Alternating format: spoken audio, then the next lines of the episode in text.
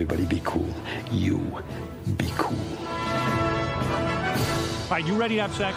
Use a good kiss. We come in peace. We come in peace. You are the motherfucking Antichrist! We're gonna let you go, okay? Ok. Film er best på radio. I'm gonna make him an offer he can't refuse. Nova Noir. Hei, hei, og velkommen til ditt favorittfilmprogram. Vi er Nova Noir på Radio Nova. Det er torsdag, det er en god dag. Eh, Jeg heter Hanne Marie Nord, og med meg i studio i dag så har jeg Oda Krüger. Og Lars Benskam. Og eh, i dag så skal vi snakke om filmer med flere perspektiver. Og hva vi mener med det, skal vi komme inn på nærmere. Og blant annet så skal vi snakke om, eller De filmene vi skal snakke om i dag, er Rashomon, Gone Girl, The Handmaiden, Knives Out. Og så skal Lars anmelde den nye Ridley Scott-filmen The Last Duel. Men før vi dykker inn i alle disse ulike perspektivene, så tenkte jeg egentlig bare å høre med dere. Hva har dere sett siden sist? Mm, Jeg har jobbet meg gjennom flere av de gamle, eller de eldre James Bond-filmene. For jeg skal være med på en James Bond-sending i morgen med Guttas stemning. Så skal vi diskutere det. Veldig spent for det. Um, jeg var også på kino og så den nyeste Marvel-filmen. Den uh, Er det Shang-Chi den heter? Det syns Ja. jeg var veldig bra. Jeg er egentlig ikke veldig Marvel-fan, men uh, den syns jeg var uh, veldig hyggelig å se. Jeg så den med lillesøsteren min. Det var veldig koselig. Så gøy. Eh, Jeg så filmen Free Guy med Ryan Reynolds, som endelig har kommet ut på Disney pluss. Um, Ja, er det endelig?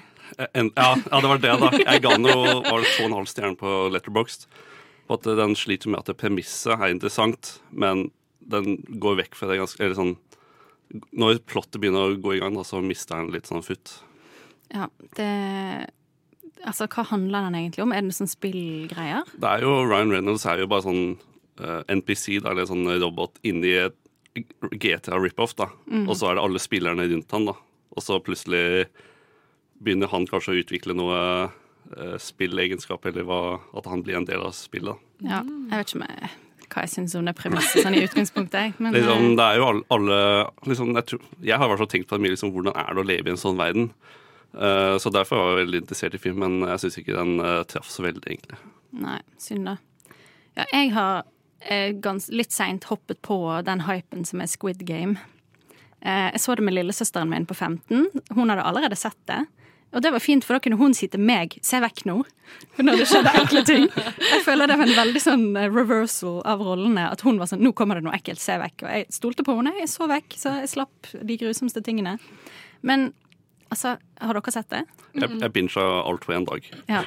Men fordi at Syns du det er bra? Jeg syns det var bra. Det er liksom som egentlig Free Guy. At det liksom premisset er gøy, men det er sånn når den skal liksom begynne å avrunde og liksom avslutte sesongen, da, så detter den ganske kraftig nedover. Ja, jeg gadd ikke se den, så jeg så en sånn recap på YouTube. hvor jeg fikk alle twistene og spoilerne og sånn. Og jeg bare jeg er egentlig litt glad at jeg ikke så det. Ja, det var, eh, den, uh, uten å spoile, så virka det som den twisten egentlig bare ødela alt som Mm. kunne vært emosjonelt. Ja, altså sånn Jeg på en måte syns jo det var morsomt å se. Um, det, det er jo gøy med hele det på en måte Altså Battle Royale, Hunger Games-konseptet, på en måte. Så det er vel ikke akkurat noen spoiler å si at det er det som er på en måte attraksjonen i denne serien her. Men så kommer det inn noen amerikanere på et tidspunkt. Og dialogen der Amerikanere ødelegger alt. Ja, men, men altså, denne dialogen for amerikanerne er jo sannsynligvis ikke skrevet av amerikanere, fordi det er veldig basic engelsk.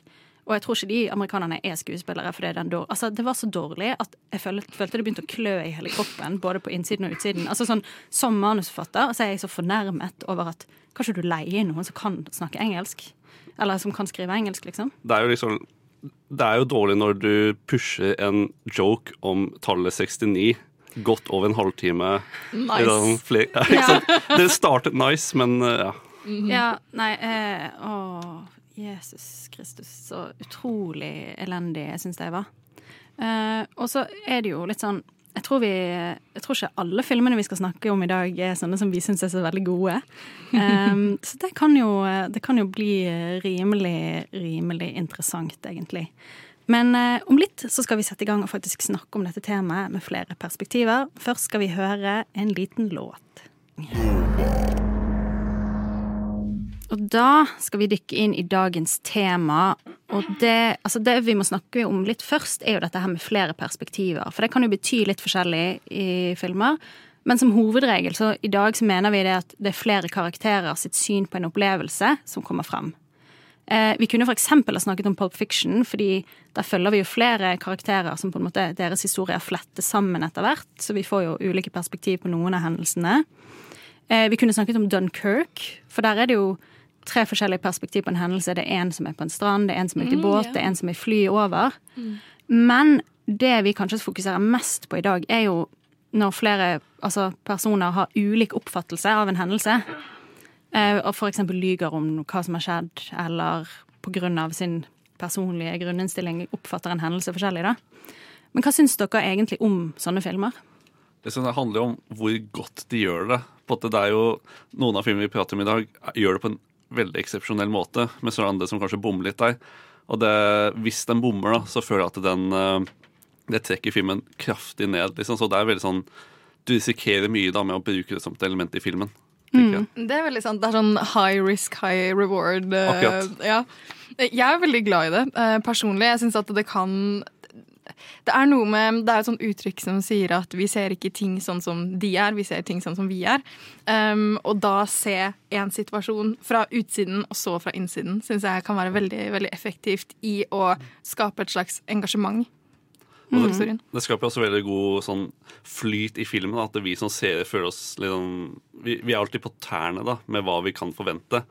Så det, som, som jeg sa, når det fungerer, så er det så ekstremt effektivt. Ja, og jeg syns det er noe med når det kommer kanskje nesten litt overraskende på også.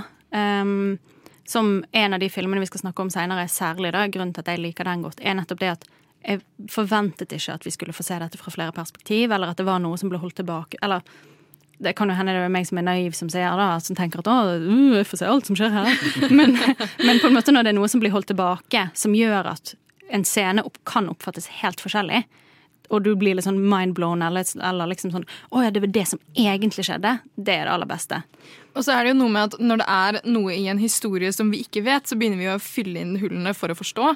Så når du da får det kastet på deg, så er det sånn OK, men jeg har jo bygd opp en forståelse ut ifra hva som skjer her, og jeg har eh, min oppfatning av hvem som er, har eh, rett og hvem som har galt, osv. Og, så og plutselig får du et nytt perspektiv, og så er du nødt til å fylle inn nye hull. Og så skjønne hvilke hull var det egentlig jeg bare fylte inn fordi jeg antok, og hva var det som faktisk skjedde. Altså, folk elsker å bli overrasket og alltid liksom få nye ting servert. Og sånn som du forklarer det nå, så høres det nesten ut som sånn barnespill. Liksom, hvor du kan få fylt eh, liksom opp i bokser. Men uh, ja, det er eh, veldig effektivt. Det er som sånn, Hva heter sånne russiske dukker? Ah, ja, Sånn, sånn babusjka? Er det det det heter? Ja. Nei. Ja. Matrusjka. Mat ja. Det var det. Babusjka. matrusjka, Det, babusjka er vel bestemor. Anyway. uh, ja, nei, men det er liksom det der at Når du kan avdekke flere lag av historien, og det fungerer, og det enten overrasker eller gir deg et nytt, interessant perspektiv, da liker vi det.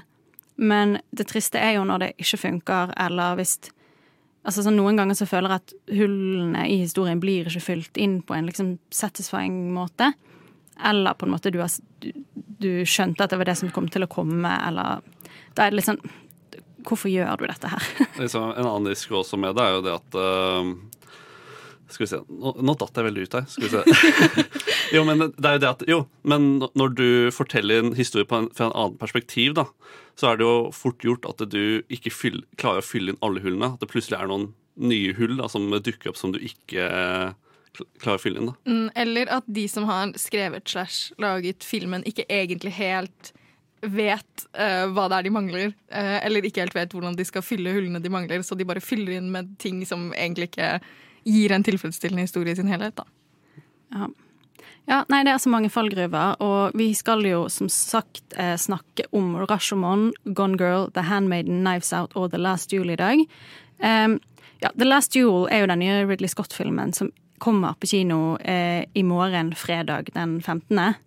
Um, så den skal vi prøve så godt vi kan å ikke spoile. Nei, vi, skal, vi, skal ikke, vi skal ikke spoile den, men jeg må bare komme med en advarsel om at alle disse andre filmene her, særlig altså, Rashomon kom i, altså, den kom i 1950. Den går for 71 Den- år siden. Den skal vi spoile i stykker, holdt jeg på å si. Men, men, eh, og resten av filmene må, må dere nok forvente noen spoilere på også. Så hvis det er en av de du ikke har sett, og ikke har lyst til å få spoilet, så er det kanskje best å hoppe over og høre på akkurat det. Men jeg tror det er flere av disse filmene som ikke nødvendigvis blir ødelagt av at man vet om litt av perspektivene og tvistene som kommer. da. Så, men ja. Eh, Det neste vi skal gjøre, er altså å dykke inn i den første av disse filmene som kom, Rashomon. Men først så skal vi høre Hilja med Take Them Down. Nova Noir. Nova Noir. Nova Noir. Vi sitter her hver torsdag fra 10 til 12. Så nå skal vi snakke om den første filmen, altså Rashomon fra 1950. Og Rashomon, eller Demonenes port, som eh, vel ble den norske tittelen, er en japansk film fra 1950 regissert av Akira Kurosawa. Og det er på mange måter det som omtales som den originale flerperspektivfilmen. Og det er jo noe som f.eks. kalles Rashomon-effekten. Altså der folk har bevitnet samme hendelse og forteller ulike ting. Eh, For det filmen handler om, er voldtekten av en kvinne, mordet av ektemannen hennes, en samurai.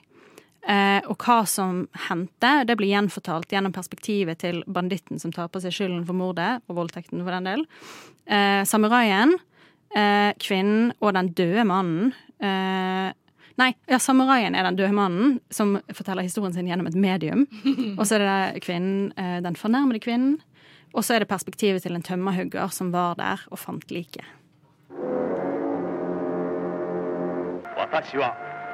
世にも恐ろしい地獄を見た。私を撃たれてもいえ殺されても構わない。でもでもそんな目で私を見るのはあんまりです。頼むから俺の手になると言ってくれ。俺の手になると言ってくれ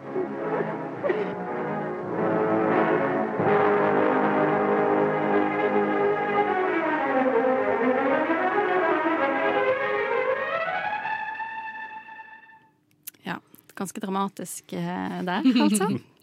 Hva, hva syns dere om denne? Jeg likte den. Jeg så at, eh, at Lars sin anmeldelse på, eller rating på Letterboxd var relativt lav. Til å være Kurosawa så er den ganske lav, egentlig. For jeg er jo fan av filmene hans, men akkurat Rashomon Den slår ikke helt an. Altså, jeg, jeg, føler ikke at historien griper meg på den måten de andre filmene gjør. Mm, uh, jeg er jo ikke veldig uh, Kurosawa Altså jeg er jo ikke veldig kjent med Kurosawa. Dette er den andre filmen jeg ser han. Den første filmen jeg så, var Dreams, som eh, er relativt ny. Den kom vel ut i 1990 eller noe sånt nå. Um, jeg syns den her var kjempespennende. Um, og dette du nevnte med at dette er på en måte den originale flerperspektivsfilmen. Det var kanskje det også som gjorde det ekstra imponerende. For jeg drev og tenkte på at denne filmen er kommet ut for 70 år siden. Det er til og med før min bestemor ble født. Og når du tenker på filmmediet generelt, så er jo det relativt nytt sånn historisk sett. Så å tenke på at denne filmen kom ut da, den må jo ha vært helt utrolig banebrytende. Når du ser den i, sin tid, da, så er jo den ve veldig fantastisk. Jeg synes liksom Det fototekniske er jo også veldig sånn Og musikken også er veldig on point, da. Og du kan, ja, som du sa, da, du kan jo ikke når, når du ser det ut ifra hvilken tid den kom ut i, da, så må du jo gi den litt sånn litt respekt, da. Ja, altså den vant jo en ærespris under Academy Awards. Altså, dette var før Oscar-utdelingen hadde en egen kategori for foreign language film. Eh, men de ga noen ganger sånne ærespriser. Da. Det var ikke nominerte, det var bare liksom The Board of Governors eh, valgte en film som de tenkte var sånn eh, ja, fortjente oppmerksomheten, da. Og Rashomon var en av de som fikk den. Og det var ikke hvert år det ble delt ut, det var liksom bare når det var noe som var veldig spektakulært, inntil det ble en fast kategori i 56, da. Så det, den ble jo godt tatt imot da den kom også. Men jeg syns jo den er litt problematisk sånn plottmessig i dag. Ja, ja, absolutt. Eh, For som vi hørte på den lille lydklippet, så det jo, var det jo en veldig hva skal vi si, hysterisk eh, kvinne. Som eh, Altså, selve på en måte voldtekten av hun får vi bare se gjennom voldtektsmannen sitt perspektiv. Og eh, der blir det vist at hun etter hvert begynner å like det. Ja, det er seriøst den verste tropen som finnes i Ja. film. Jeg hater det så mye, og det gir meg en sånn, en sånn rage inni meg som bare Ben Affleck egentlig kan få til. og det kommer vi til senere, men Men jeg hater det så mye, og det er et eller annet med Men ja, det, for det var en annen ting jeg satt og tenkte på når jeg så den. Sånn, den prøver jo på en måte å være feministisk, men så gjør den på en måte det verste du kan gjøre når du viser en, en voldtektsscene. Ja. Men samtidig, da, så tenker jeg at igjen, sånn som jeg nevnte i stad, at vi ser ikke ting sånn som de er, vi ser ting sånn som vi er. Så samtidig så kan jo dette Det er ikke nødvendigvis at det faktisk var det som skjedde, men det var sånn voldtektsmannen oppfattet situasjonen. Mm. Eh, eller at det er det han overbeviste seg selv om at skjedde. Sånn, nei, nei, men hun likte det jo. Ja, men for det går jo fra protester og hysterisk gråting og nei, nei, nei, til at hun liksom begynner å ta på kroppen hans og liksom, ja. Og kysse tilbake. Ja, og, så det er jo veldig nasty. Og så seinere i de ulike perspektivene, så mennene driver jo på en måte og krangler om eller ser ulike syn på hvordan hun er i ettertid, om hun har lyst til å bli med mannen sin, om hun eh, no, ber om å få bli med røveren El Tajumaru, eh, altså voldtektsmannen. Eh, ja, det er bare Jeg skulle ønske at vi på en måte i hennes syn fikk en litt tydeligere opplevelse av hva det var hun faktisk eh, Gjennomgikk. Ja, Mm. på en måte. Samtidig som det er jo aldri hyggelig å se en voldtektsscene, så kanskje vi ikke trengte det fordi at vi skjønner jo at i hennes opplevelse så tror jeg ikke på at hun begynte å like det, på en måte. For det gjør man bare ikke. Nei, og det, det, det som skrur mest for meg i den filmen angående det, da, er jo det at eh, alle folka forteller jo sin historie til, til kamera, da, eller det jeg anser som politi eller som uh, myndighetene, eller hva enn. da. Og voldtektsmannen sier jo veldig liksom Han inkriminerer seg veldig. da, Han eh, legger ikke så mye skjul på hva han har gjort. Og det er eh, jeg, syns bare det at det, måten de forteller det på, ikke henger helt på greit da, i tanke på, med tanke på situasjonen de er i. da. At de, liksom, Han kan jo bli dømt til døden liksom, for det, da. og at han setter seg selv i den posisjonen med vilje. da. Mm. Så han, eh, han innrømmer jo det at han voldtok henne, bare det at hun likte det til slutt, og da er det liksom greit, men uh... Ja, altså det er jo helt skrudd. Men det er jo også Ja. historien om det her drapet på han samuraien blir jo også fremstilt veldig forskjellig. Og sånn i kvinnens perspektiv så sier hun at hun bare blekket ut, og så var han død. Så på en måte så kan det jo ha vært hun òg. Altså sånn Det er det, da. Jeg, jeg, for jeg syns det er veldig kult for den tiden filmen kom i, men så nå, sett fra dagens øyne, så blir jeg liksom Men det mangler fortsatt noe her. Fordi at jeg føler ikke at jeg kan tro på noen av disse Og det er jo også litt kult, da, at OK, kanskje man aldri får sannheten fra et menneske som gjengir det på en måte for sin egen vinning, eller Ja. Ja, for det var en annen ting som jeg også tenkte på. Fordi jeg leste litt om dette med at det har jo fått et eget uttrykk som heter Rashomon-effekten. Som er dette med at du ikke kan stole på et minne. Eh, fordi folk legger til sine egne eh, på en måte livserfaring i det de ser. Um, men disse perspektivene var jo så brutalt forskjellige at det er nesten som om det er tre helt forskjellige historier. Altså, er det i det hele tatt tre forskjellige perspektiver av et minne, eller er det bare løgner? Det, Ja, ja. ja, det er det, fordi at til slutt så kommer jo perspektivet til han trehuggeren som først på en måte Først forteller han bare at han fant liket, og at det var derfor han var der. Og så på en måte til slutt, under press, så innrømmer han at ja, men jeg så alt som skjedde. Men, og der forteller han for eksempel der samuraien og røveren slåss, så er de bare helt Der røveren forteller at de var fantastiske, det var en verdig kamp mellom to like, likeverdige swordmen, på en måte, eller samuraimenn. Eh, så i, i han trehuggeren sitt perspektiv så er jo de sånn Det er jo nesten slapstick dårlig. Altså sånn fordi de bare de, Ingen av de ville slåss, de var redde, de rullet rundt og var helt udugelige, liksom. Så det er det var sånn så gøy når de, de på et punkt så bare ruller de rundt på bakken med sverd i hånden. og- Ja, ja, og de ligger til og med flere meter fra hverandre og bare vifter med sverdene sine. Er, det en, er dette en metafor?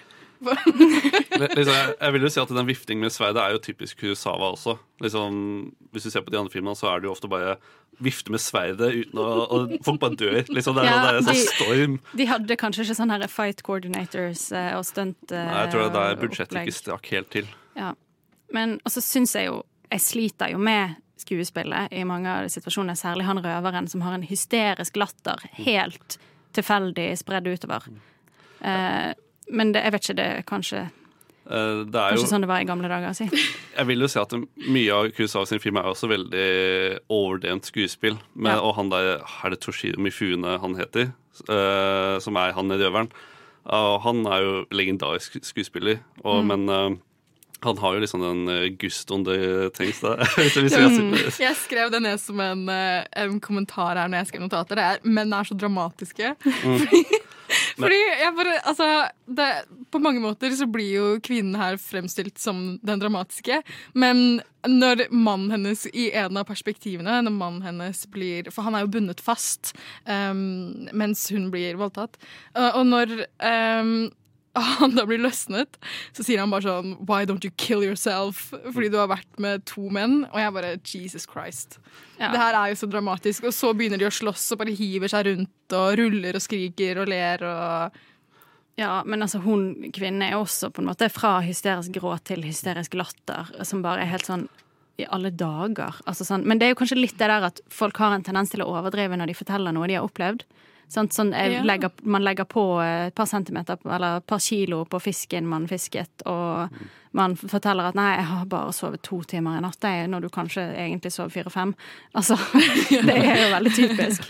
Og det jeg likte da med det når hun eh, gikk fra hysterisk gråt til hysterisk latter, um, det var at hun begynte å kjefte på mennene eh, i sitt eget perspektiv. Og det som jeg synes var veldig morsomt med det, var at plutselig så ble mennene veldig små. Eh, og det var første gang, for vi hadde jo sett da majoriteten av filmen, og at de var sånn Og jeg gjorde dette i ærens navn, og jeg vant over han, og jeg Nei, det var han som vant over den personen, og bla, bla, bla. Men her ble plutselig mennene skikkelig små når hun begynte å kjefte på dem. De bare står der med liksom armene nesten liksom halen mellom beina, type eh, kroppsspråk. da. Jeg syns det var eh, interessant. Ja, veldig. Nei, det, ja, det er kult at dette her er på en måte utgangspunktet for sånne historier, fordi den gjør det jo ja, for sin tid veldig bra, og fortsatt er det veldig mye bra ved den. Eh, og altså, for å si det sånn, den neste vi skal gå til, um, er litt mer diskutabel i mine øyne. Uh, og det er altså Gone Girl, men først så skal vi høre en sang.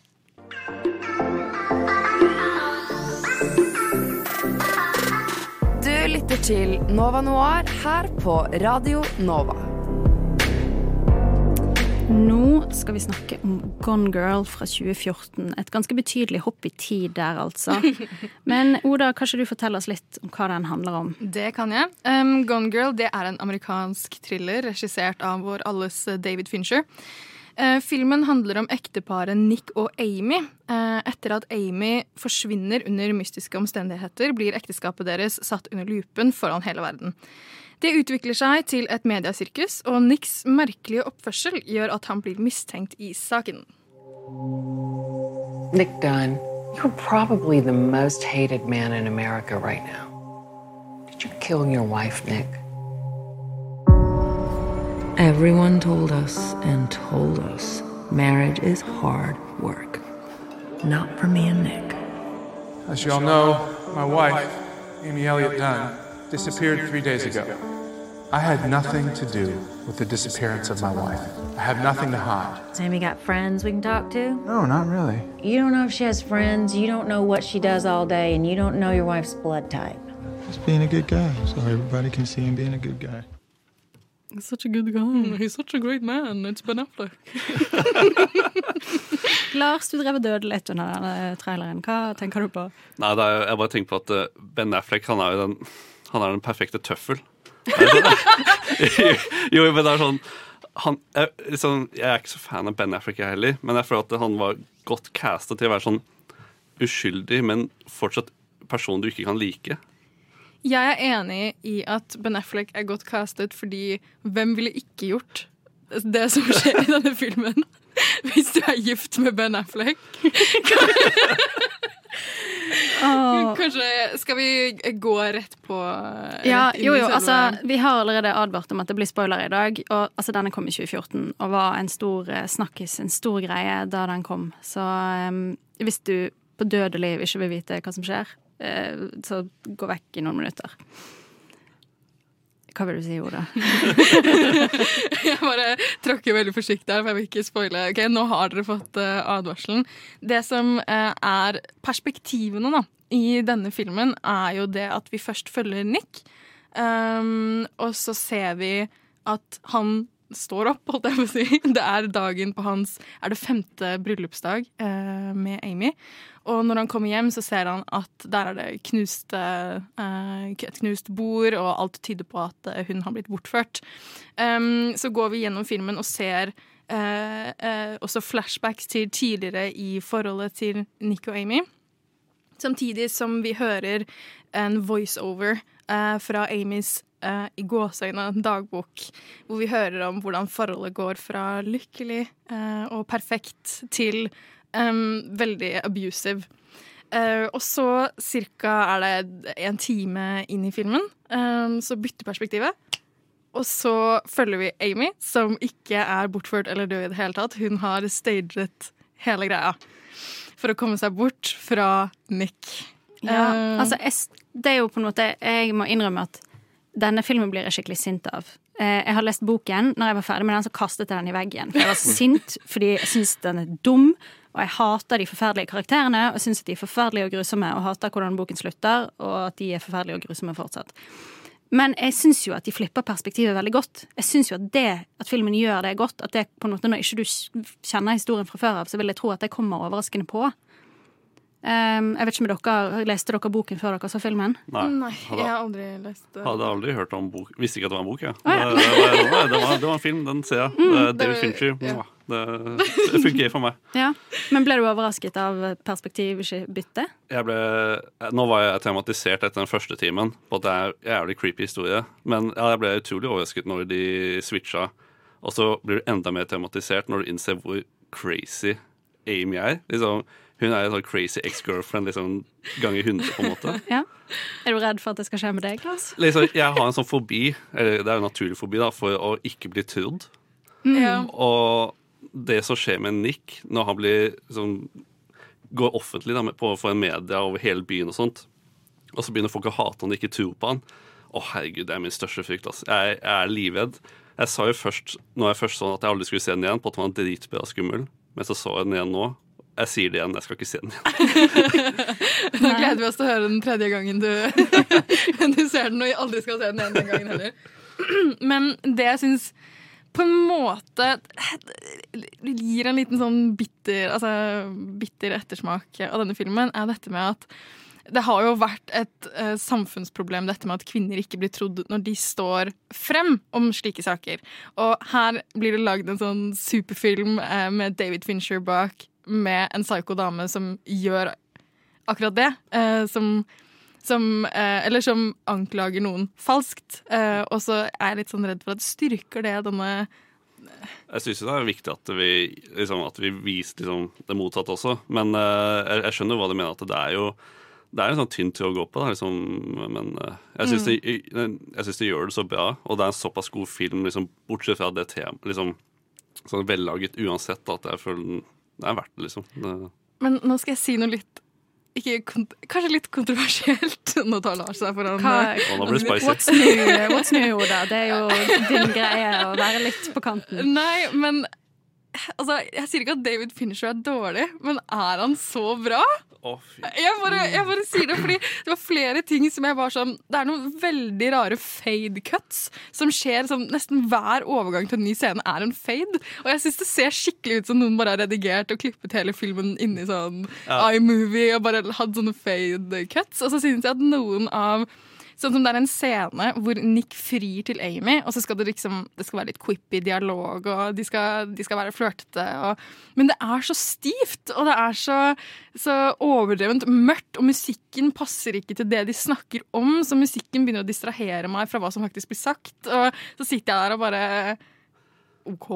det jeg la merke til, det jeg la merke til med den der eh, faden og alt det der Alt det er jo for flashbacks, ikke sant? Og liksom, minnene er jo ikke sånn som vi tror, sånn som vi kommer tilbake til i sendinga. At liksom Vi ser jo det på en sånn enten romantisert måte eller et eller annet. Da, og det er derfor det er så stivt. Er, er liksom min oppfatning av det. Men noen av fade-kuttene de var ikke bare på um, flashbacksene heller.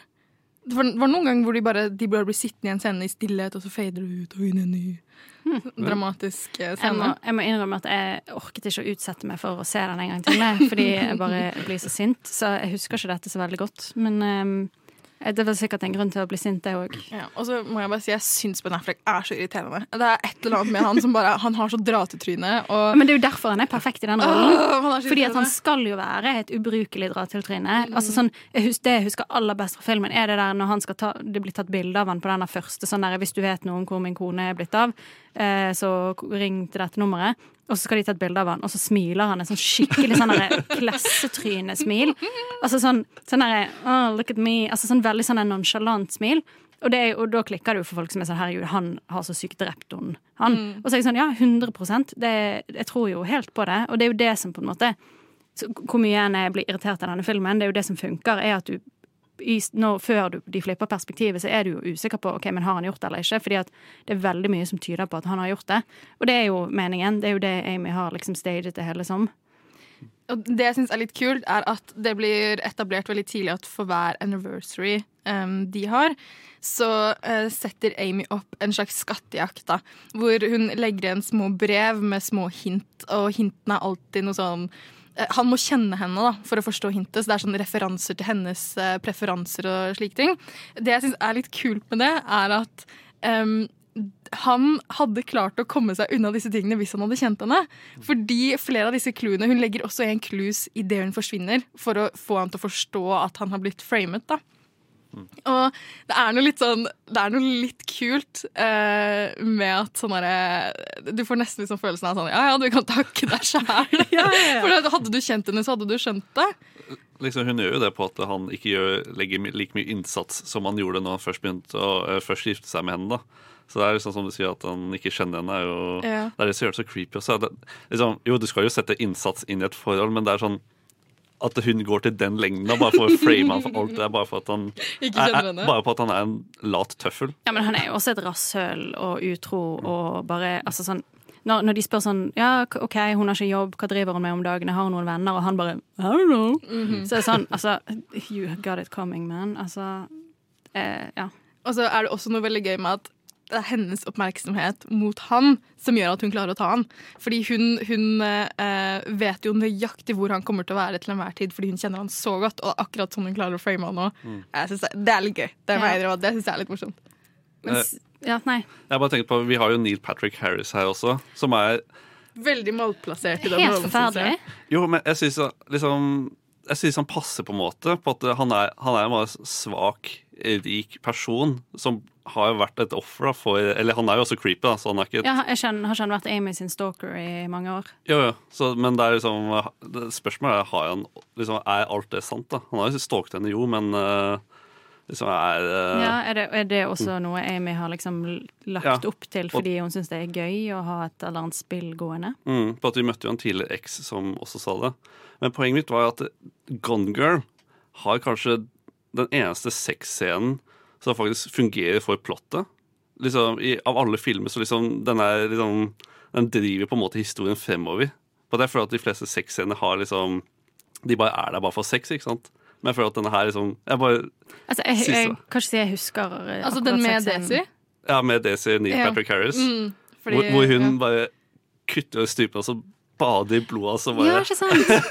det er, Det, det var så sjukt når hun bare blir sittende der i blodet og bare er dekket og bare wrestler med liket av liksom, mm. og bare, Jeg syns det er så fantastisk creepy scene. Det er eh, Ja. Ja. Nei, nei, jeg bare kjenner at eh, vet du, Det går helt fint at ikke at, Jeg skal ikke se den igjen, Lars, så det skal, det skal jeg holde på. En annen ting jeg må advare mot for alle som eh, Dette er en trigger warning til alle der ute. Du får se penisen til Ben Affleck, og det opplevde jeg som et bakholdsangrep. det opplevde jeg som hate, Det var hate crime. Jeg vil aldri se den igjen. Men du, du, Slutt å vise meg den! du får et lite glimt av Neil Patrick Harrison også. Gjør du? Bloddekket. Sånn What? et Det halvt, så se- et halvt sekund. Det er sånn Når hun går av han, så ser du sånn OK, men, uh, men vårt perspektiv er ingen surprise penises, takk. Yes, stopp, stopp, stopp the penises! Ja, jeg tenker, jeg tenker vi avslutter Gone Girl-praten der, jeg. Dette er Alexander fra Nova Noir. Og i en tid når man ikke fritt kan gi klemmer, ønsker jeg på vegne av hele redaksjonen å gi deg, kjære lytter, denne soniske klemmen. Som en takk for at du lytter, og for å forhåpentligvis gi en liten positiv boost i en ellers kjedelig hverdag. I tillegg har jeg denne lydmessige godbiten til deg, nemlig min favorittlyd.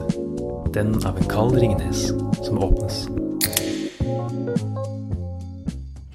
Og nå skal vi videre til eh, året 2016 og snakke om The Handmaiden, eller Kammerpiken, som den heter på norsk. Yes. Um, Handmaiden, regissert av uh, Park Chan-wook, som er den samme regissøren som Oldboy, eller um, ja, Hevntrilogien. Um, vi er i Korea på 1930-tallet. En ung lommetyv er ansatt som tjenestepike hos en japansk arving uh, som bor gjemt bort på landet sammen med sin kontrollerende onkel. Tjenestepiken har egentlig en skjult agenda. Hun har blitt rekruttert av en japansk svindler for å hjelpe han å forføre arvingen og stjele hennes formue. Ting går som planlagt helt til de to kvinnene opplever noen uforventede følelser.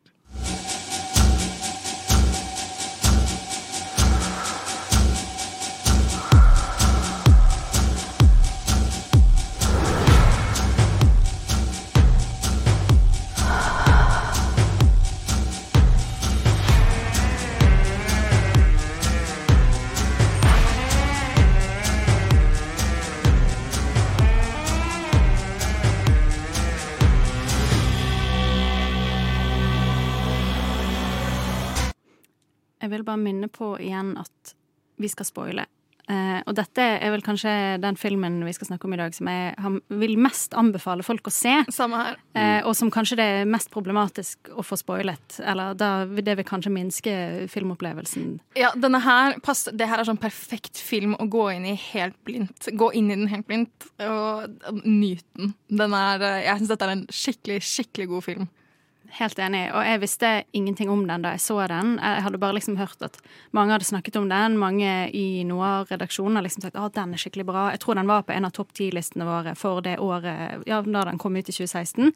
Uh, men um, ja, så det var liksom en sånn skikkelig digg opplevelse å gå inn i. Aner ikke hva jeg får, og blir kjempeoverrasket. Men kan jeg spørre, Så du den for første gang nå, Lars? Nei, jeg har sett den oh, ja, før. Nei, men på at eh, Jeg husker at eh, jeg så den alene, og jeg må bare gi en advarsel. Se den ikke med, for, ikke se med foreldrene dine.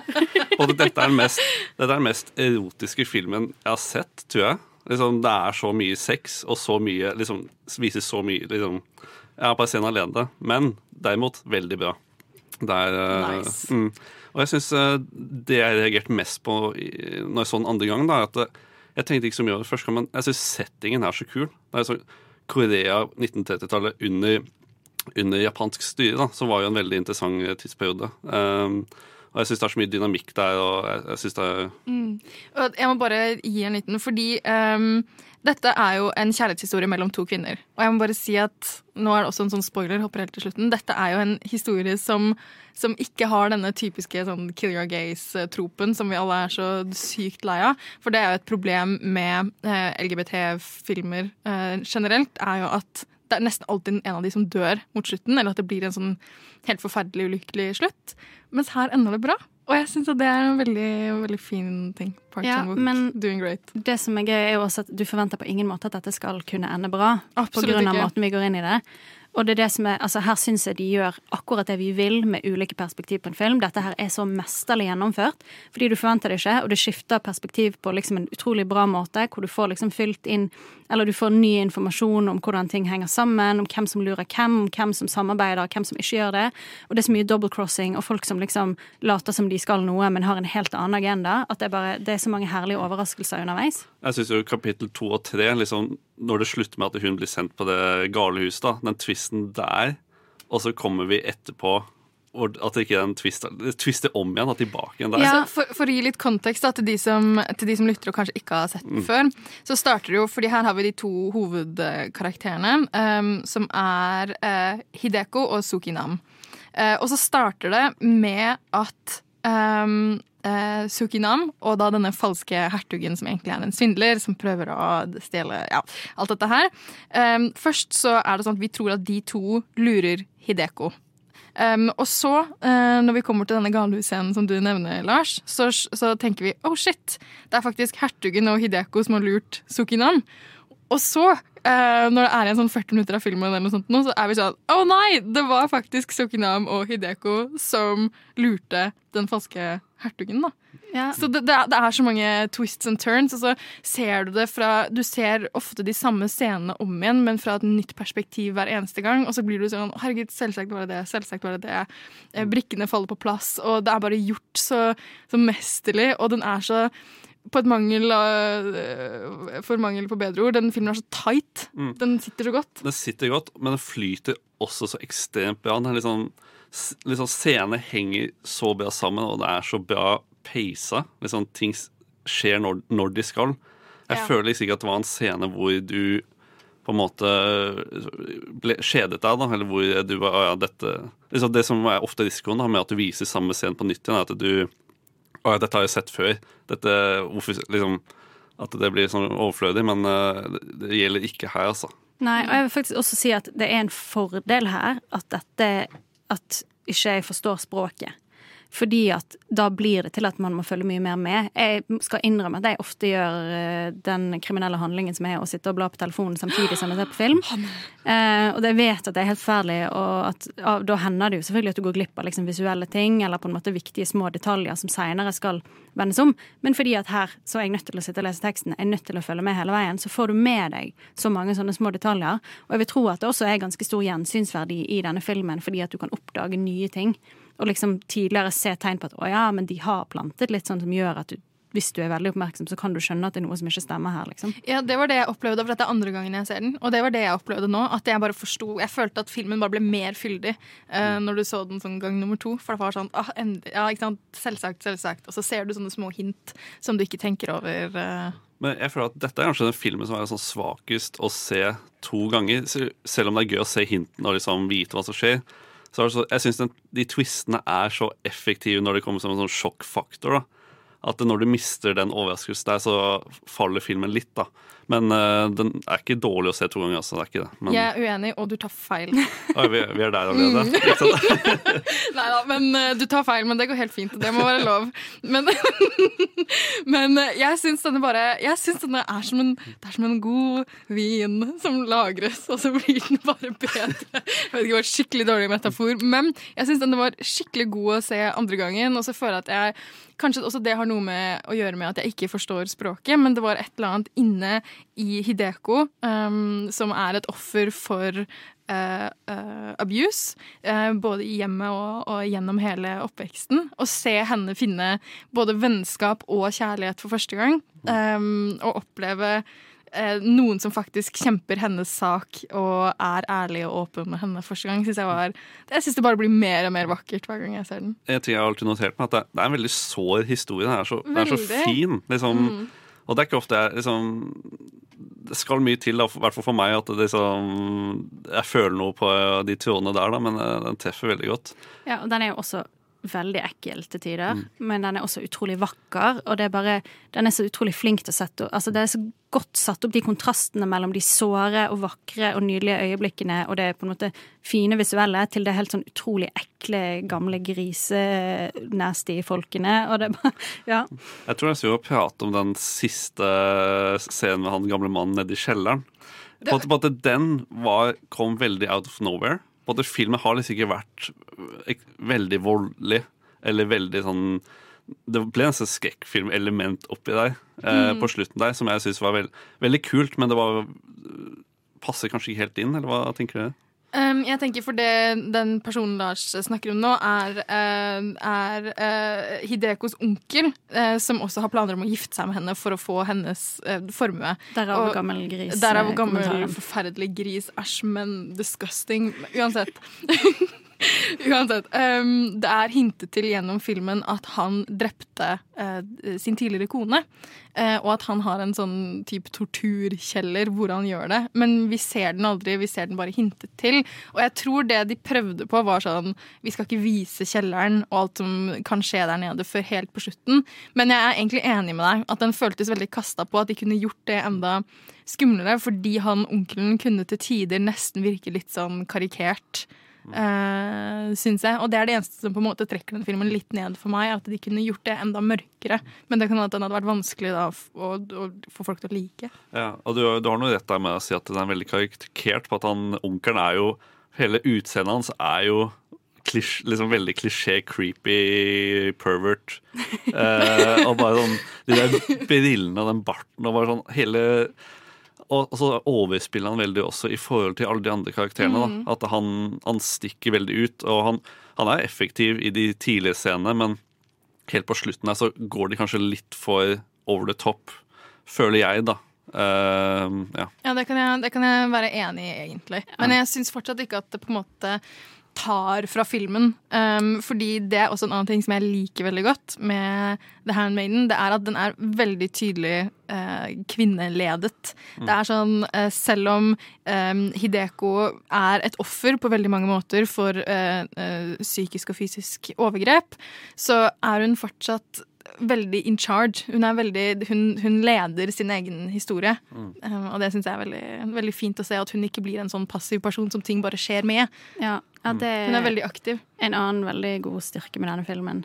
Ja, nei, det um, ja, Selv om hvis du fikk den litt spoilet for deg nå, så tror jeg fortsatt den er verdt å se. Altså, fordi at, Absolutt. eh, jeg tror likevel det vil være twister og turns som kommer overraskende på. Eh, og det kan det jo hende det gjelder den neste filmen vi skal snakke om også, nemlig Knives Out. Du hører på Nova Noir. Hey, who do you think you are, anyway? Answer me, or I destroy you!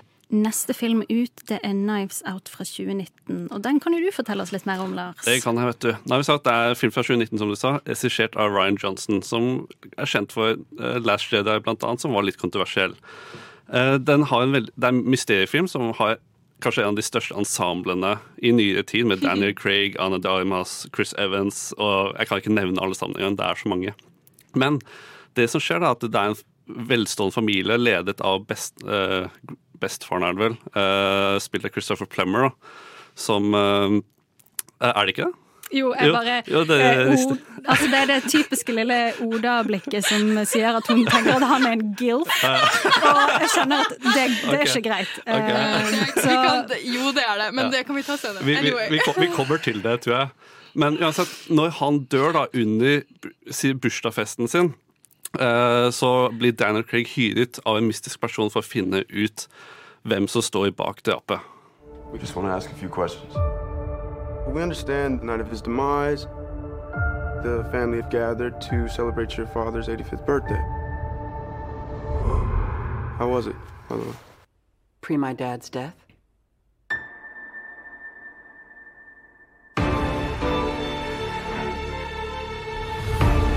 Ladies and gentlemen, I would like to request that you all stay until the investigation is completed.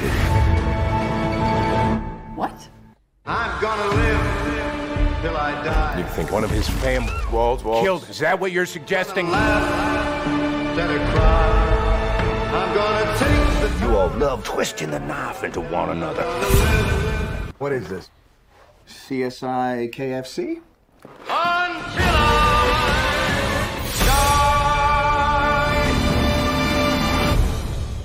Og det som er greien med Knives Out, er jo at den er litt annerledes i hvordan den har ulike perspektiv enn de andre filmene som vi snakker om i dag.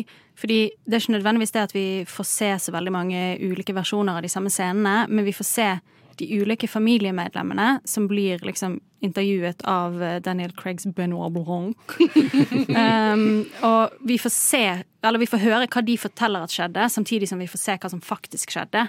Fordi de lyger jo alle sammen om sine perspektiver sjøl om de ikke skjuler et drapsmotiv. Eller, eller de skjuler jo gjerne et potensielt motiv, der, men de, ja, det er ikke, til og med de som ikke er mordere, på en måte, lyger. Ja, jeg tror vi bare må bryte isen her og bare prate om Benoit Blanc. Eller det er Daniel Craig. Kan jeg si jeg elsker Benoit Blanc. Jeg synes Det er så morsomt. Og, sånn, jeg vet at Hanne, du er litt lunken til den filmen. Du syns den er eh, bra, Lars. Jeg gir den en chef's kiss. Jeg syns også den er kjempemorsom. Fordi det jeg syns har vært litt sånn trender de siste årene når det kommer til eh, når det kommer til nyutgivelser, er at enten så er det sånn superpretensiøst eller sånn super skal være kjempe high concept, eller så er det, føles det veldig billig. Eh, veldig sånn der, Dette er veldig tydelig en remake eller en, en film som er lagd for å tjene masse penger. Jeg synes denne filmen var så herlig skamløs i at den bare hadde det skikkelig gøy. Jeg synes dette er en skikkelig leken film, og Benoit Blanc er jo veldig tydelig sånn en en slags, nei, Ikke en parodi, men en slags omasj kanskje til Poirot. da, Med, med en aksent, og han er så over the top. Jeg syns det er skikkelig gøy. Liksom, han er en Poirot bare istedenfor at han, liksom, at han har en sørlig aksent istedenfor. Som er jo bare helt nydelig. Og du ser jo liksom at alle skuespillerne bare har det gøy. Og jeg føler det kommer virkelig ut i hvordan de spiller også, at de bare Hele greia er så morsom. Liksom De gleder seg og har det gøy. Det jeg liker veldig godt, er jo særlig på en måte kjemien mellom Daniel Craig og Anna de Armas. Eh, og hun spiller jo på altså eh, sykepleieren som eh, stellet han her Walt Walt? Ja? Nei, Harlan. Harlan. Eh, at det er så mange karakterer og så mange navn. Eh, han som da døde på bursdagskvelden sin av det som ser ut som et selvmord, men som vi ganske fort skjønner at det er noe muffens med. Um, men jeg, ja, jeg elsker liksom dynamikken mellom Daniel Craig og Anna de Armas. Og særlig fordi at hennes karakter er jo sånn, hun kan ikke lyge. Hun er den eneste der som på en måte må si sannheten. fordi at hvis ikke, så kaster hun opp. Uh, og altså sånn, jeg har jo litt en oppkastfobi, så det er litt vanskelig for meg i denne filmen. Men ellers er det på en måte det beste. Men jeg, altså, jeg sliter litt med jeg syns ikke det var så sykt morsomt eller så overraskende. Eller liksom, jeg synes på en måte Jeg vet ikke om jeg syns at det her flerperspektivsgreiene funker så godt, fordi at det, du får bare små snippets, og du får med en gang vite hva som faktisk skjedde i de ulike scenene. da. Og selvfølgelig, Det er jo twists og turns som gjør at det skjer ting imellom de scenene som du ikke på en måte fikk med deg, og som derfor gjør at det blir et mysterium. Men jeg bare Ja, nei. Nei, det, det jeg føler denne gjør annerledes, er at eh, jo, du får, du får sannheten når den blir vist for deg. Men det er jo det er et puslespill da, hvor du ikke får alle bitene. og Det, Ja. det, det, henger jo ikke på greip uh, Mm. før, før du får alle bitene. Og det er det jeg syns er, er så gøy. da. Det er det jeg også syns er veldig gøy med denne filmen. Det er det at alle snakker jo på en måte sant. Eh, all, alle historiene og alle perspektivene du ser, er jo ikke Altså, alt er jo sant, det er jo ikke noe løgn, men samtidig så er det bare, bare det at du kan utelate deler av sannheten, gjør at du kan få et helt annet, eh, et helt annet syn på hva det er som faktisk foregår.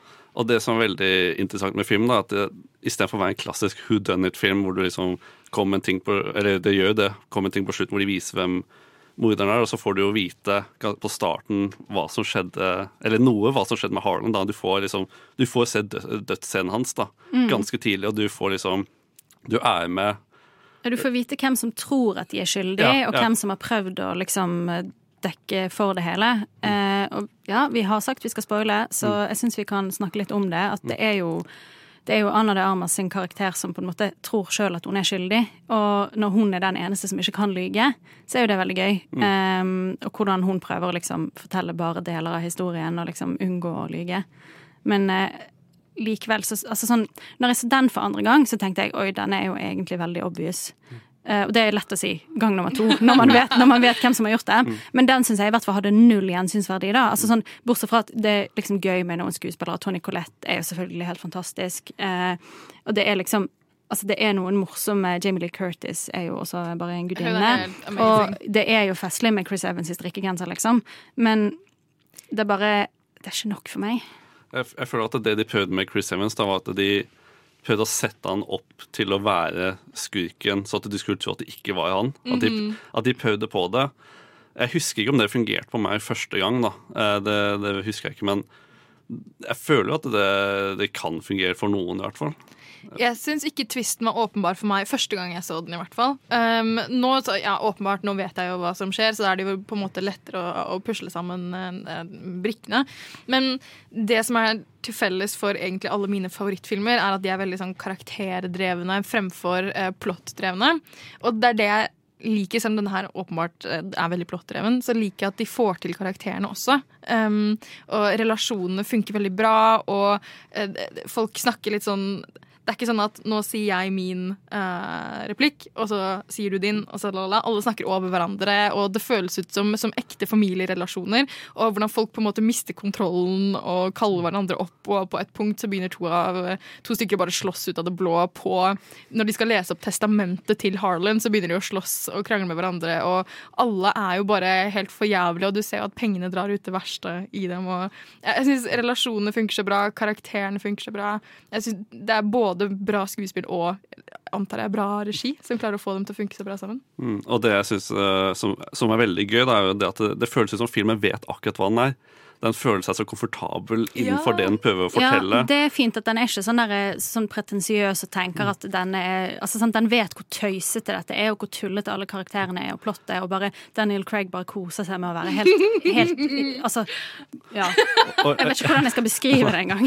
Og jeg føler også at den, eh, den- den klarer å vise det til publikum. Da. Den setter opp for publikum hva slags film det er veldig godt. Og den trenger ikke action for å være bra. Den har én actionsekvens i gåseøyne som er verste bilchasen noensinne.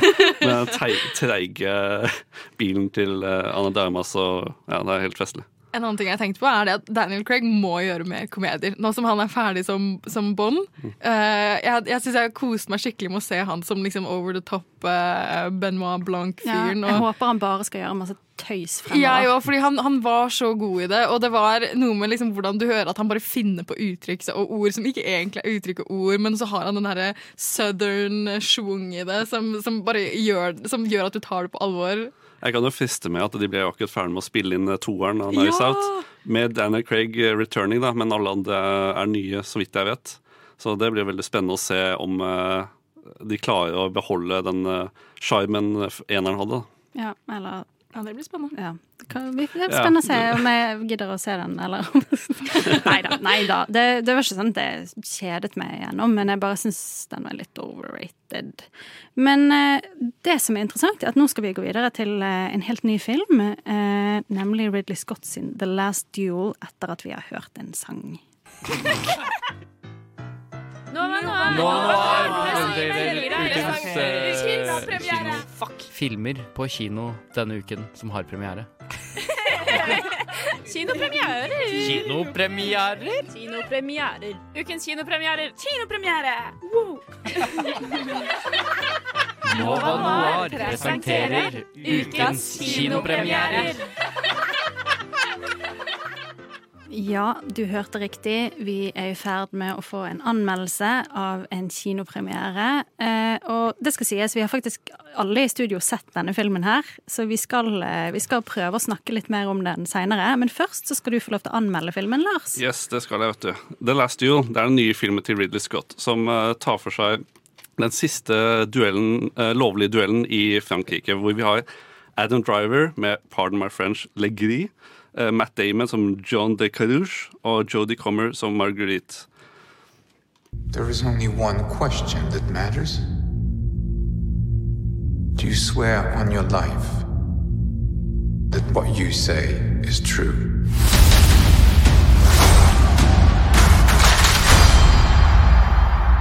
My father told me my life would be blessed with good fortune.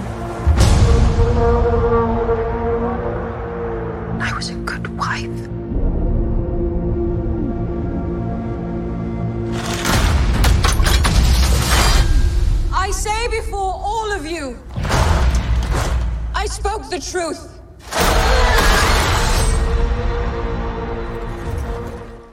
Ja, og eh, det var traileren til eh, The Last Duel. Eh, Det som ikke, det jeg ikke sa i stad, var jo det at det filmen handler om The Last Duel i Frankrike. Men det som skjer, er at Matt, Adam Driver, som ligger i, blir anklaget av vennen sin John de Carew og kona si at eh, han har voldtatt henne. Eh, og det filmen tar for seg da, er liksom hendelsene rundt det mellom de tre forskjellige figurene. Eh, filmen er jo det, er- jo Ridley Scott som er tilbake i, i middelalderen. da. Vi kjenner jo kanskje mest igjen som Kingdom of Heaven, Gladiatoren og sånne ting. Men det jeg må si er at du ikke forventer en actionfilm som de. På en måte, selv om det hørtes veldig actionfylt ut i traileren, så er det en ekstremt liten del av, eh, av selve filmen. Uh, filmen har et stort problem i første halvdel, at den er så stiv og stivt spilt. Uh, vi har jo Matt Damon og Ben Affleck. da. Uh, ben Affleck er Count Pierre, som er på en måte sjefen til, til disse folka her, under kongen. Eh, men jeg syns ikke Matt Damon og eh, Ben Affleck er feilcasta her. De skal være franskmenn i uh, riddere. Liksom, for det første, de er ikke franskmenn. For det andre, de er, et, etter å ha sett sånn Gone Girl og sånt, så er jo ikke de, han de noe riddere i det hele tatt heller. Eh, Ja, altså, jeg føler vi kan jo bare punktere den med en gang og si at Matt Damon har jo verdens verste hårsveis eh, i denne filmen her. Ja. Ben Affleck òg. Jo, jo, altså jeg kjente ikke igjen Ben Affleck med en gang, fordi han har blondt hår og skjegg, og det er veldig rart, mens Matt Damon har altså en eh, hockeysveis eh, uten like. Liksom, jeg vet ikke hvordan stilen var på den tiden, men hvis det er sånn det var, så er jeg glad jeg ikke bodde i middelalderen. Bare av den Altså, ene grunnen der. Jeg kan si at jeg kjente igjen Ben Affleck med en gang, for han har den der ubeskrivelige utstrålingen som bare er sånn et sort hull. han er sånn black hole of charisma. Ja. Bare Det er ikke det. det er, Se på han, se på det bildet der. Så, så, så jeg syns jo, jo casten, castingen av den filmen er uh, veldig dårlig. Uh, som sagt, temaet i filmen er jo uh, voldtekt, synspunkter og kvinnens rolle i det middelalderske samfunnet. da. Så du vil jo tro at Jodie Comer som Marguerite får en større rolle i denne filmen, men hun blir jo bare et sidestykke. Liksom, filmen prøver å gjøre et poeng ut av at kvinner blir sidestilt uh, Eller ja, blir sidestilt, da. Men så gjør filmen akkurat det samme, med at, den, at de ikke får fortelle sin egen historie. Liksom, hun blir bare et sidestykke i, i denne filmen som egentlig skal handle om henne. Uh, som jeg syns treffer uh, veldig dårlig. Og jeg tenk, tenker at jeg må allerede bare si at eh, hvis du er sensitiv da, til temaet om eh, voldtekt, da, så er ikke dette en film du burde se på. at Det er, eh, det er, det er et røft, for å si det sånn. Og selv om film Det, liksom, det er jo metoo-situasjon i middelalderen, prøver filmen å gjøre det, men det, det, jeg tror aldri jeg skulle si det, men symbolikken blir altfor on the nose. Mhm. Liksom, det var jeg satt jo i kinoen med Oda som er med meg her nå. Hun begynner å le med en gang, vet du. Og det, det er en uh, kvinne i filmen som sier at det, jeg ble voldtatt. Som er, som er veldig seriøs. Er prøv, den scenen prøver å være emosjonell, men jeg hører bare Oda ved siden av meg bare si 'Å, herregud'. Og så, så hun ler høyt i salen, og jeg føler at det poengterer perfekt da, hvor, eh, liksom, hvor den er så hard i symbolikken at det blir liksom komisk. For å bare skyte inn til det. Det var sånn herre det var Altså, det er veldig tydelig at dette her var filmens forsøk på å gjøre henne eh, sympatisk på en eller annen måte. Og jeg er bare så drittlei at for at en dame skal ha vært igjennom noe og, og bli sympatisk så i, i Hollywood, da, så må hun ha blitt voldtatt. Og det er bare sånn herre Spar meg. Noen folk kan være kjipe uten å måtte oppleve noe tematisk for å være kjipe. ikke sant? Ja, fordi det er jo greia med den dama her òg, at hun er jo dritkjip. Og det er jo det er liksom tre kvinnelige roller i denne filmen, og de er dritkjipe. Ja. Men OK, er det noe du syns funket i filmen, da? Jeg synes, liksom, Det er så fælt å si at jeg sa at det ikke er en actionfilm, men jeg føler de få momentene av action liksom, Det er typisk Ridley Scott. Perfect, liksom, de få actionsekvensene er like gode som King of Heaven-actionsekvensene. Jeg syns det treffer så bra, og den viser liksom den brutale realiteten av eh, krigføringen i uh, middelalderen. Dog så må jeg si at uh, Bruker store ord. Men jeg må si at uh, lyddesignet i disse kampscenene er så ekstremt høye. Liksom, så jeg forventer at når denne her kommer på Blu-ray og sånt, så er dette en film du kommer til å måtte ta volumet opp og ned. Ja. Uh, det er du- veldig sant, det, Mm. når du sier det nå. Det er sånn når sverdet treffer metall, det var et, liksom litt for høyt, altså ett hakk for mye. Uh, så, men jeg syns filmen Filmen var interessant, men jeg syns at i denne grunn så fungerte ikke eh, storyen. Jeg føler den ble laget av feil person. For at det er en historie som har, en fin, eh, som har noe fint i seg, eller kunne vært noe fint, men fokuserer på feil ting og, fokus, og laget av feil person, da. Um, så ja, jeg, jeg vil kanskje anbefale å se den etter hvert, men det er ikke noe jeg, det er ikke noe jeg vil sette på førstepri her. Nei, det, det er ikke sånn folk trenger å strømme til kinoen for å få med seg denne. Nei, Nei absolutt ikke. Nei. Dessverre. Sånn, hvis du skal gi den på en måte en samlet vurdering, da, hva, hva vil du gå for da? Liksom, hvis jeg skulle følge Letterbox, så blir det jo en tre stjerner, kanskje en to og en halv, avhengig av liksom, Hvis du er actionbuff, så er de scenene veldig bra, men eh, sekvensene mellom der Filmen flyter ikke i det dramatiske, da, i dramascenene. Mm. Der er den stiv og ja, litt, litt skuffende til å være Ridley Scott, må jeg si. Ja. Nei, det var, det var altså Lars sin dom. Og eh, grunnen til at vi, eller litt av grunnen til at vi valgte dette temaet med parallelle eh, Eller flere, flere synspunkt på samme hendelse, er jo fordi at det er jo det i denne filmen også. Og det skal vi snakke litt, litt grann mer om etterpå. Du Du Du hø hø hører på. på Radio Nova. Ja, altså, nå skal vi bevege oss inn på litt farlig territorium, fordi som nevnt så er jo The Last Duel også en film som blir fortalt i flere perspektiv, eller fra flere karakterers perspektiv. Den er delt i tre deler, hvor det første perspektivet er Matt Damon sin karakter. Det andre perspektivet er Adam Driver sin karakter. Og det siste perspektivet er Jodie Comer sin karakter, som forteller liksom den samme historien, som på en måte er grunnen til at alt ledet opp til denne The Last Duel mellom de to bitre fiendene, eh, som er altså karakterene til Matt Damon og Adam Driver. Eh, hvis, den, altså dette er jo en film som ikke er kommet på kino enda, så vi skal ikke spoile. Eh, men jeg har lyst til at vi likevel skal snakke litt om perspektivene, fordi som vi hørte i Lars sin anmeldelse, så funker det ikke her. Um, selv om det Jeg syns det er noen interessante forskjeller, men det funker likevel ikke. Liksom, den, den klarer å få de små detaljene som du forventer da, av eh, flere perspektiver. Så er det sånne små detaljer Hvis du tenker, følger nøye med, da, så er det disse detaljene som gjør det veldig bra. Men med tanke på hvordan historien er, og synspunktene fra forskjellige karakterer er såpass eh, like, eller hva jeg skal si, da, så føler jeg at eh, du, du, du trenger ikke på at du har allerede fått deg en formening om situasjonen uh, før du får uh, før filmen er over, da. Uh, Mm. Så jeg syns ikke det fungerte så bra som jeg hadde håpet, da. Nei, altså mitt største problem er egentlig at sånn første på en måte del av filmen som er eh, karakteren til Matt Damon, eh, altså Carouge, han det, er, det var så kjedelig. Mm. For han er liksom en sånn mutt og sint og kjedelig mann. Som sjøl i sin egen versjon av historien er han sint og sur og sjalu og kjip. Han har et sutrehue. Ja, virkelig. Og så hopper det bare kjempefort fra liksom ulike situasjoner og slag, og det er veldig mye sånn eksposisjon.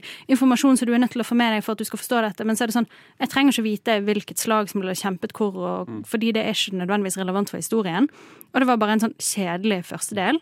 Og andre delen som er Adam Driver sin karakter, for han er mer en sånn derre uh, levemann som liksom drikker masse og blir invitert på orgie med Ben Affleck og ja. Eller hadde Dodd. så- Så det er på, på en måte en mer underholdende versjon, pluss at vi liker jo Adam Driver, han er en veldig dyktig skuespiller. Men det er på en måte det, det, og så poengterer de sånn Å, eh, ja, eh, Carouge er ikke noe gøy. Og så er det sånn Nei, det, han er ikke det. Og den delen som handlet om hans syn på saken, var ikke noe gøy heller. Så det hjelper ikke at dere liksom er litt festlige nå. Det er jo uh, Matt Damons karakter er jo ganske sammenligna litt med Ben Affleck i Gone Girl. Med tanke på at han er en tøffel som ikke er likbar, som gjør bare dumme valg. Som du liksom Du klarer ikke å sympatisere med han selv om uh, Ja. Altså, bare sånn for å understreke at Når du sier tøffel, så altså, dette er ikke menn som gjør alt konene deres sier, for å, for å si det sånn.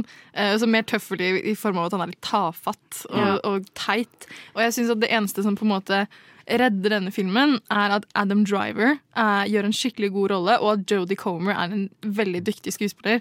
Um, og, men uten dem Jeg syns at både Ben Affleck og Matt Damon nesten bare cruisa gjennom det her. Det er som om de liksom har vært i bransjen så mange år at de har slutta å bry seg. Mm. At de bare 'Å ja, dette er enda en skuespillerjobb, bare', så jeg går hit og så sier jeg eh, hurtiu og pipi-popo, liksom. Og så er de ferdig, for det er replikken deres. Det virker ikke som de ga noe ekstra i rollen sin i det hele tatt. Nei, og det som er interessant er at altså, både Matt Damon og Ben Affleck har jo vært med å skrive denne filmen. Og de har jo ikke skrevet manus, i hvert fall ikke sammen, siden Good Will Hunting.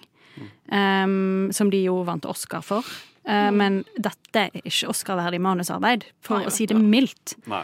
Uh, nei, nei. Dialogen er vel ekstremt stiv, og det hjelper ikke når scenene heller ikke flyter sammen. ikke sant? Nei, og så hjelper det heller ikke den totale sånn, språkforvirringen eller dialektforvirringen som foregår her. Fordi jeg føler det var veldig mange amerikanske skuespillere som liksom snakket med britisk aksent.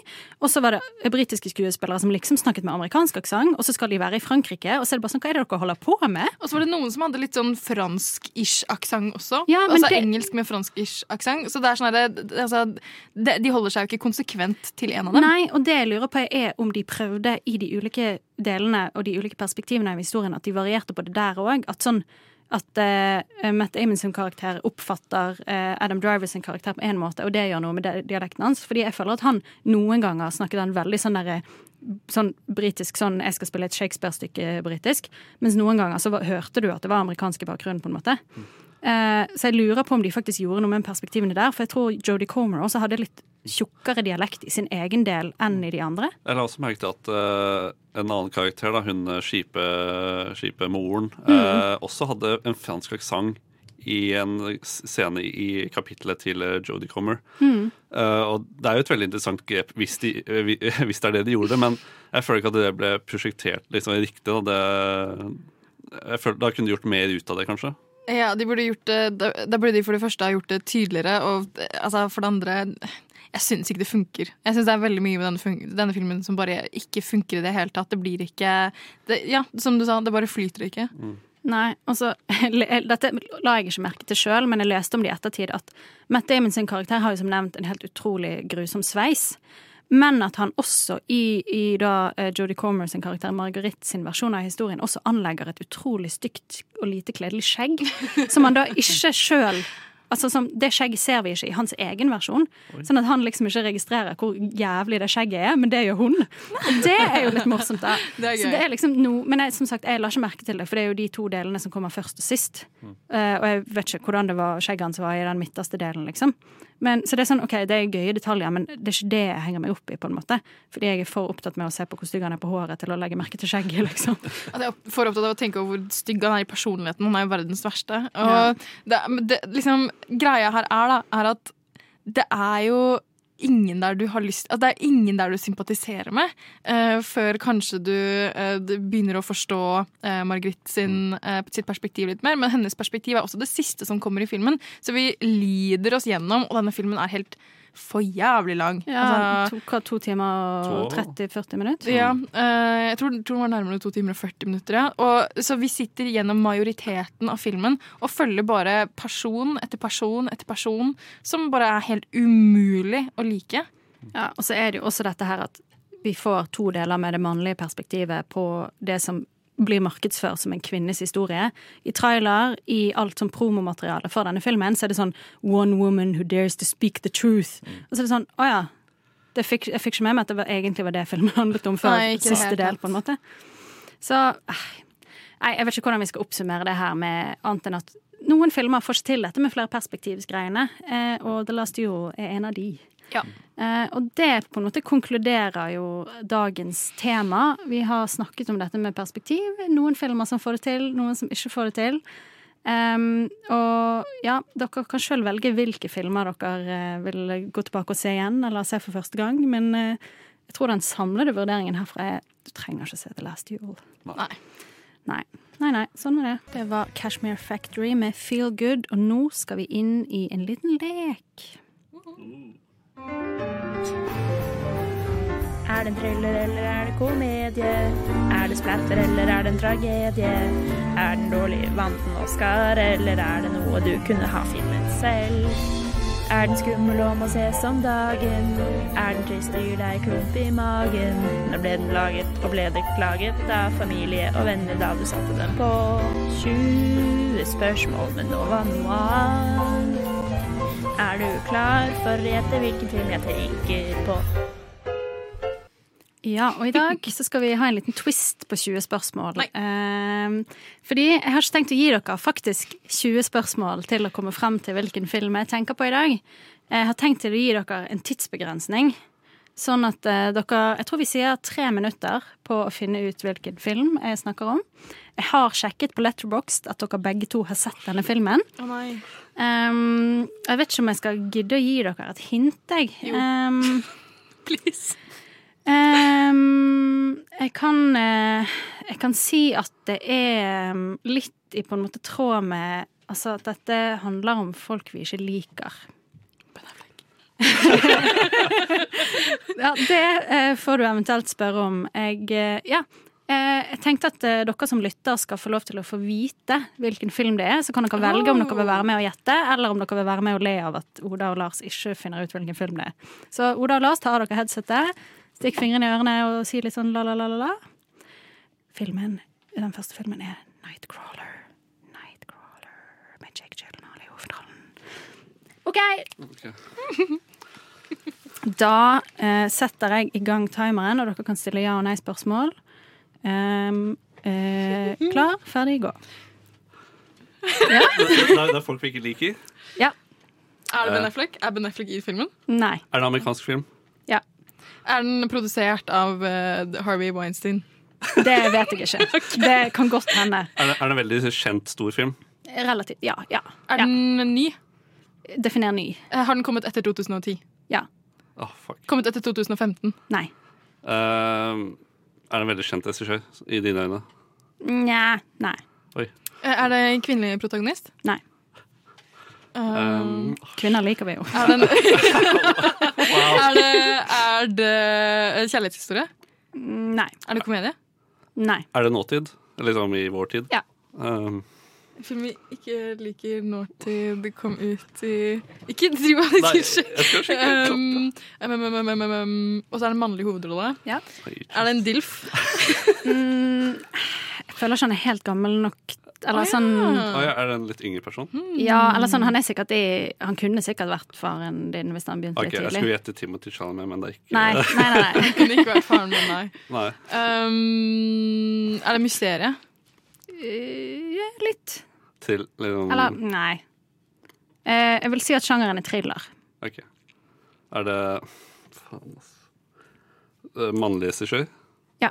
Um, Men jeg tror strengt tatt ikke dere har så veldig sterkt forhold til han regissøren. nei, OK. Um, Um, åh, jeg vet ikke hva slags spørsmål jeg skal nei, stille. Hjelp. Um, Dere har 1 minutt og 20 sekunder igjen. Lars, kjapp deg. sier du. Um, det er nåtid. Mannlig hovedrolle, Ja. mannlig skuespiller. Kom etter 2010. 2010, før 2015. Ja, Hovedrollen er en fyr vi virkelig ikke liker eller skal like. Han er bare en fuckings creep hele veien gjennom, og han blir bare verre og verre gjennom filmen. Nightcrawler. Ja! Oh, ja! ja da klarte den når jeg hintet veldig Ja. sterkt. eh. Åh, god. Ai, ai, ai. OK. En av mine favorittfilmer. Oh. Ja. Nei, skal dere, vil dere prøve på en til? Ja, OK. OK. Skal vi ta um, av uh, eh, Ja, dere kan ta headsetet. Den neste filmen er Fight Club. Fight Club. OK. Ja, OK. Jeg føler Lars jukser. Hei, jeg jukser ikke. Jeg legger mobilen her borte. Nei, han hører det. Ah, ja. Nei, nei da. Vi, I så fall så er det Lars sitt eget eh, loss. Um, som er en, i så fall en kjip fyr. Uh, OK. Um, eh, tre minutter uh, fra nå. Er det kvinnelig hovedkarakter? Nei. Er det filmen ny? Nei. Hvor gammel Nei, ikke hvor gammel. Uh, 1970. Nei. Kaster ut års... Ja, men Jeg må gjøre det. 1980. Nei. Du kan ikke ja, 90? Oi, 1990-2000? Er det en animert film? Nei. Er det en skrekkfilm? Nei. Nei, ikke at jeg har sett så mange. Har det, er den, er den Oscar-verdig, holdt jeg på å si? Har den vunnet Oscar? Uh, ja. Nei, jeg er nominert for én, står det på IMDb. Veldig kjent uh, uh, regissør. Ja. Uh, hovedskuespiller er den personen kjent? Ja. Er det mannlig hovedrolle? Ja. Tidlig 2001 Oscar-nominasjon. Som jeg har sett. Ja. Um, er dette en, en uh, Spurte vi om sjanger? Er det en romantisk film? Nei. Drama. Ja. Hmm. Drama, ikke romantisk. Det var halvhjertet, ja. Tidlig 2000. Nei, det, på IMDb så står det drama som okay. uh, Er Ben Affleck i den? Nei. Men det er en kjent hovedrolle. Ja. Veldig kjent? Ja. Leonardo DiCaprio? Nei. Mannlig. Ja. Jack Nicholson? Nei. Brad Pitt. Ja. Oi! Seven? Nei. Uh, Det er Brad Pitt? Brad Pitt. Uh, syv år i Tibet. Ja, Lars! Den tok du altfor fort. Men uh, ja, jeg tror at dere hadde klart det innenfor eh, 20 spørsmål sin ramme også, så det, det er fint. Nice. Eh, jeg tenkte, Der var liksom den røde tråden at det var jo David Fincher også. Ah. Ja. Men, og for så vidt også menn vi strengt tatt ikke liker, eller?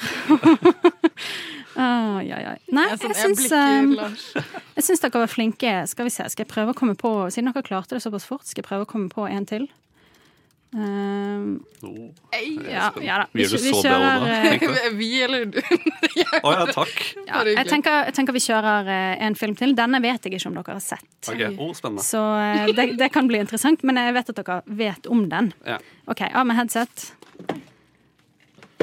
Og denne filmen heter Good Will Hunting. Det er altså skrevet av Matt Damon og Petter Ben Affleck. OK. Yes, da kjører vi tre minutter fra nå. Um, mannlig skuespiller. Ja. Det er alltid det? Ja, ja, men vi, kjører, vi, vi har et litt sånn tema going. Uh, Kjent regissør. Um, ja, ish. Mannlig regissør. Ja. Hmm. Ja, hvorfor spør jeg egentlig? Ja, Hvorfor spør du? Er det en ny film? Uh, Nei. Eh, 1980. Nei. 1990? På 90-tallet, ja. Oh. 90-tallet malerers. Altså, det her er jo alle filmer i hele verden. Men denne, denne har også en liten rød tråd til dagens sending. OK. uh... Ben Affleck. Han er den røde tråden. ben Affleck, hva er det han har gjort? Ja, hva i alle dager har han gjort? Oh, nei. Har Haunt Eh, My eh, Dreams. Skal jeg, det er ikke Dogma? Nei. Oh, okay. uh. Jeg kommer ikke på en eneste Ben Affleck-film med- annet enn Good Will Hunting. Ja. Å, ja, det var litt for åpenbart. Nei, OK, men eh, jeg syns dere var veldig flinke. Dere klarte det Tenk til Oda, du fikk ett eh, poeng. tiden. Og det var for, på grunn av Ben Affleck? Ja, jeg tenkte jeg skulle irritere deg litt ekstra. Oi, oi, oi. Ja, nei, takk for leken, folkens. Du lytter til Radio Nova. Jepp. Da er vi ved veis ende i dag. Ehm, vi har jo snakket om ulike perspektiv eh, på filmer, så jeg tenkte jeg skulle høre med dere hva er deres perspektiv på Wow. egen innsats i dag. Egen innsats det er, Ja, nei. Jeg syns det har vært mye spennende i dag, egentlig. Jeg syns det har vært en uh, god miks med filmer som er liksom holder seg innenfor de rammene. da. Ja, jeg syns det, jeg synes vi har, jeg synes det var veldig interessant å snakke om uh, disse filmene. Og det er jo på en måte et, eh, et slags en gjennomgående greie som sant, fra 1950 og frem til i dag. Det er jo massevis av filmer vi kunne ha trukket frem og snakket om i dag, som er mer eller mindre vellykkede på ulike perspektiver. da. Nei, det, vi har, som sagt, vi har snakket om Rashomon, Gone Girl, The Handmaiden, Knives Out, og så uh, The Last Duel, som Lars anmeldte, og vel strengt tatt ikke anbefalte folk å se. Det er ikke bra i sånn der eh, perspektiv cinematic universe. Det, den passer, passer, passer ikke helt inn der. Perspektiv Nei, Cinematic nei. Universe, det var veldig gøy. PCU. Oi, oi, Ja. Ja. Nei, altså, jeg syns dette var en veldig hyggelig sending. Altså, det er jo et veldig Det er et interessant tema. Um, dette med perspektiver. Hyggelig at vi fikk eh, snakket litt dritt om Ben Affleck. Eh, snakket frem eh, Christopher Plummer litt. Grann. Ja. eh, det, selv om det bare ble litt sånn i forbifarten. Ja, altså Du får Det, om går med det. Det går med Men uh, sendingen fikk meg til å innse også at det er ikke så Når jeg tenker meg om så kommer ikke jeg på så mange filmer som har liksom uh, Sånn som Rashmond, at det er et sånn helt forskjellig synspunkt på én hendelse. Ikke, jeg kommer ikke på så mange Nei, som det kun- bruker det. På at Now South Out er jo litt annerledes. Gone Girl er jo, det er jo litt, relativt likt, men liksom akkurat samme hendelse, da.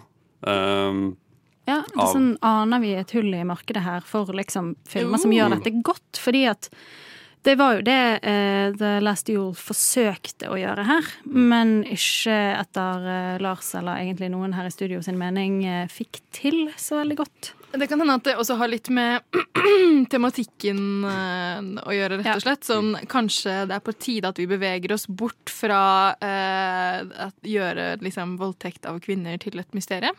Ja. Kanskje vi kan Eh. finne noe annet? Hmm. Ja, I wonder. Det er, jo, det er jo litt interessant at både den måte eldste filmen vi har snakket om, og den nyeste har på en måte voldtekt som fellesnevner. da. Ja, jeg skal til å faktisk spørre om det når vi diskuterte Rashomon. Sånn, er det en amerikansk remake av dette? For jeg føler at det er så sykt noe amerikanerne ville gjort. Og så er det jo på en måte egentlig det de har forsøkt å gjøre med The Last Duel.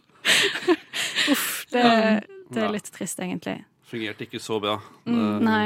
Åh, nei, nå at vi skulle begynne å snakke om den igjen og liksom gå ut med en litt sånn dårlig tone. Um, vi får- Det- det- Litt sånn, det, ja, liksom, jeg kan jo tease med at uh, Adam Driver kommer med en full frontal i, i Last Duel, da, Mm. hvis det skal hjelpe deg å se filmen. Ja, Men, hvis, hvis eh, du trenger liksom, Eller hvis du er på Adam Driver-toget, så Mm. er det jo på en måte kanskje det som er den største grunnen til Å, å det var ja, største grunnen, am I right? Anyway, men OK. ok.